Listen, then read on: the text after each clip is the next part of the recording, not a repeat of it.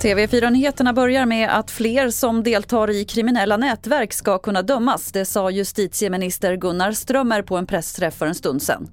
Några av dem så att säga, håller i vapnet och skjuter eller, eller preparerar så att säga, sprängladdningen men väldigt många är delaktiga på andra sätt. Har information som gör att man borde kunna ingripa så att brottet inte äger rum men man ändå avstår. Där menar vi att vi nu måste gå fram för att skapa en mycket, mycket modernare reglering som tar sikte på dagens förhållanden. Regeringen tillsätter en ny utredning för att skärpa straffen för brott som kan handla om förberedelse, försök till brott och om stämpling. I Ljusdal i Hälsingland härjar svårsläckta skogsbränder just nu och det påverkar bland annat tågtrafiken på Norra stambanan. Mellan Ljusdal och Ånge går inga tåg och det påverkar då även tågtrafiken mellan Stockholm och Östersund. I nuläget finns ingen prognos för varken släckningsarbetet eller för tågtrafiken.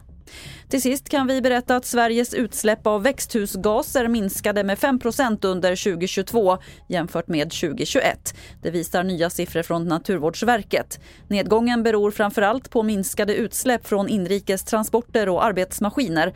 Och det är bland annat ett resultat av att man använder mer biodrivmedel och elbilar. Fler nyheter finns på tv4.se. Jag heter Lotta Wall. Ett poddtips från Podplay. I fallen jag aldrig glömmer djupdyker Hasse Aro i arbetet bakom några av Sveriges mest uppseendeväckande brottsutredningar. Går vi in med hemlig telefonavlyssning och, och då upplever vi att vi får en total förändring av hans beteende. Vad är det som händer nu? Vem är det som läcker? Och så säger han att jag är kriminell, jag har varit kriminell i hela mitt liv men att mörda ett barn, där går min gräns. Nya säsongen av Fallen jag aldrig glömmer på Podplay.